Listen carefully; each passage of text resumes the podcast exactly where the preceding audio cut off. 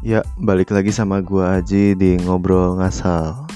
Jadi, kali ini gua mau ngebahas ngebahas apa ya? Bahasan gua nggak jauh-jauh dari sosial media sih untuk saat ini. Jadi, sosial media itu adalah sebuah website atau platform online lainnya untuk berkomunikasi dalam jumlah besar di mana setiap orang yang ada di platform itu bisa membagikan sebuah informasi atau membangun kehidupan sosial di platform tersebut. Dari katanya aja udah menjelaskan bahwa itu adalah sebuah media untuk kita bersosialisasi di dunia maya.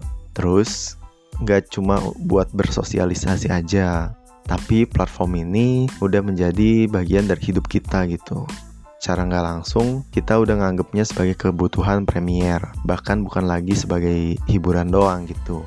Jadi apa-apa kita ngelihat sosmed bahkan kalau kita misalkan nyari informasi untuk ngelihat kejadian-kejadian di sekitar kita lewat website portal berita gitu kita malah jarang kan kita tahu banjir aja di suatu tempat itu pasti dari sosmed. Karena mungkin si portal berita itu juga punya uh, sosmed tersebut. Tapi platform yang kita gunakan yang kita lebih aware itu adalah dari media sosial bukan portal berita. Gue pribadi sih jarang untuk ngecek kayak kejadian apa sih yang ada hari ini di Indonesia misalkan medsos juga bagi beberapa orang udah bisa menggantikan kehidupan sosial di dunia nyatanya. Karena mungkin di medsos itu kita terlalu asik untuk menikmati hiburan yang ada di dunia maya. Karena di medsos itu bisa ngasih kita apa yang pengen kita lihat gitu. Karena kan algoritma dia tuh apa yang kita suka, apa yang kita klik, apa yang pernah kita lihat itu tuh dikumpulin sama dia sebagai data referensi bahwa seseorang sukanya motor atau seseorang sukanya produk-produk kecantikan. Nah, si sosmed itu udah punya data-data tersebut. Makanya apa yang ditampilin di medsos kebanyakan itu adalah sesuai referensi apa yang sering banget kita cari dan kita lihat. Padahal apa yang suka kita lihat itu belum tentu apa yang terjadi sebenarnya dan kita malah dibuat fokus sama apa yang kita sukai aja bukan fakta yang sebenarnya terjadi di lapangan. Makanya banyak banget mungkin orang-orang yang ribut karena di sosmed yang dia punya itu ya dia cuma lihat dari sudut pandang yang dia tangkap aja gitu. Sosial media itu sekarang untuk beberapa orang udah bisa ngegantiin sosialisasi mereka di dunia nyata karena di medsos itu ibaratnya dia bisa menjadi orang lain yang mungkin bukan dirinya sendiri atau mungkin dia bisa menjadi diri dia sendiri sedangkan di kehidupan nyata tuh dia harus jaim mungkin karena dia menjaga nama baik keluarga atau norma-norma sosial. Sedangkan di medsos dia bisa bereksplorasi dengan diri dia sendiri apa yang dia suka gitu medsos sendiri itu udah meluas nggak cuma buat bersosialisasi aja tapi platform media sosial itu kita bisa juga uh, mempromosikan sesuatu atau bahkan jual beli gitu. Mungkin ini kejadian gara-gara ada perorangan gitu dia promosiin aja lewat postingan Instagram contohnya. Nah mereka promosiin produk mereka di story itu ternyata bisa sebagai media promosi gitu. Makanya sekarang gak jarang beberapa perusahaan pun bikin akun medsos selain untuk informasi tapi mereka juga mempromosikan produk-produk mereka. Bahkan perorangan yang memang udah followersnya udah banyak gitu, mereka bisa endorse gitu. Jadi mereka tuh bisa promosiin produk suatu perusahaan tulisan gue lebih rapi daripada omongan gue ya. Bahkan sekarang perorangan pun bisa dibayar untuk promosiin produk dari sebuah perusahaan. Nah ini yang biasa kita sebut selebgram gitulah. Bahkan ini bisa jadi profesi juga di industri kreatif gitu. Mungkin sekarang orang ada yang kerjanya cuma jadi selebgram aja gitu. Tapi maksud gue tuh semakin majunya teknologi tuh bikin kita resah gitu. Karena mungkin kita nggak bisa terlalu menyeimbangkan teknologi itu sendiri gitu. Ada beberapa generasi dari medsos itu sendiri, mulai dari Facebook, Twitter, Instagram, sama TikTok. Keempat aplikasi ini yang menurut gua adalah aplikasi yang memiliki fitur utama sebagai media untuk bersosialisasi itu sendiri gitu. Nah, intinya Facebook, Twitter, Instagram itu kan kita cuma visual ya.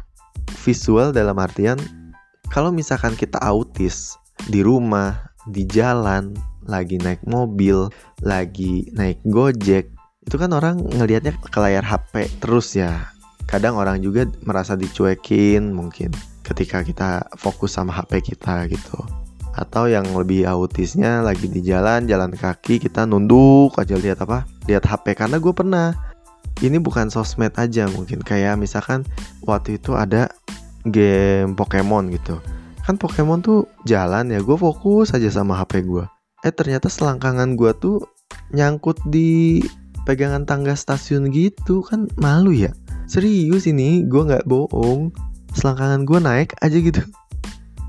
Ya gue sih langsung fokus lagi aja ke HP gitu pura-pura bego itu adalah sebuah kecelakaan biasa gitu. Padahal memang kesalahan gue di mana gue lagi jalan malah fokus ke HP bukan ke jalannya gitu.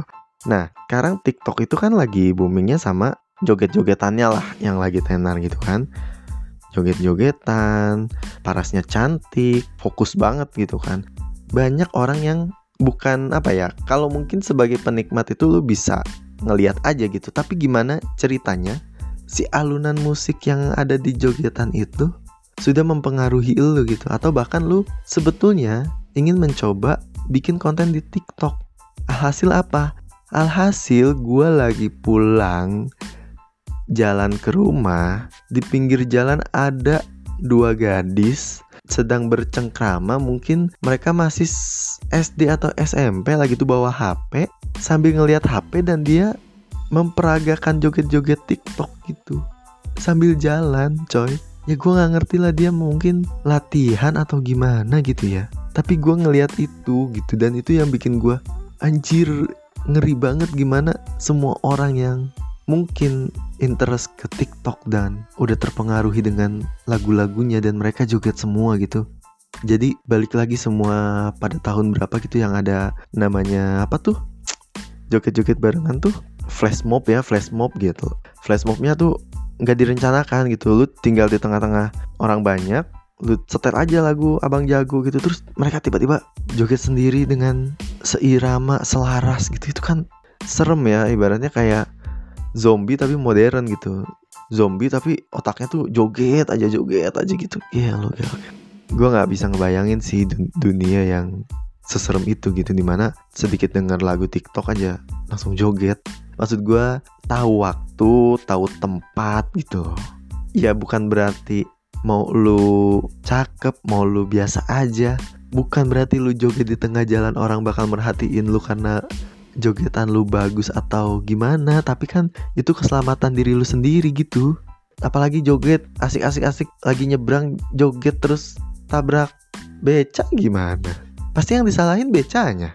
Kenapa becanya nggak ikutan joget ya itulah sebetulnya sih intinya itu. Dari gue terinspirasi ngebahas sosmed ini karena ya gue kan kalau gue jujur ya gue orang yang ngikutin sosmed dari zamannya Friendster lah. Gue kayak uh, apa tuh yang messenger messenger Yahoo Messenger aja gue nggak ngikutin. Tapi gue itu zamannya booming Friendster tuh gue ikutan.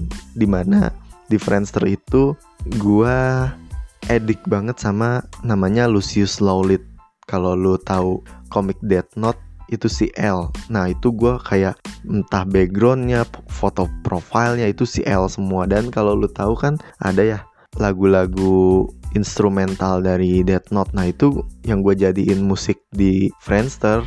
Nah setelah itu gue nggak ngerti lah. Saat itu kan mungkin gue belum fokus ke dunia IT ya. Gue masih SMP jadi gue nggak ngulik tuh kenapa sih alasannya si Friendster ini bangkrut gitu dan saat itu memang belum booming juga dunia-dunia IT kayak startup startup sekarang gitu ke depannya beberapa tahun kemudian barulah Facebook ada meskipun sebetulnya pas ke publik itu Facebook kan udah lebih modern ya dibandingkan Friendster gitu. Tapi memang nggak ada yang bisa ngalahin klasiknya si Friendster itu nggak bisa dikalahin lah dengan sosial media mana pun. Meskipun ada Facebook yang canggih, Twitter yang udah fleksibel, bahkan Instagram yang udah bisa nge-share video dan foto itu nggak bisa ngegantiin klasiknya sebuah Friendster.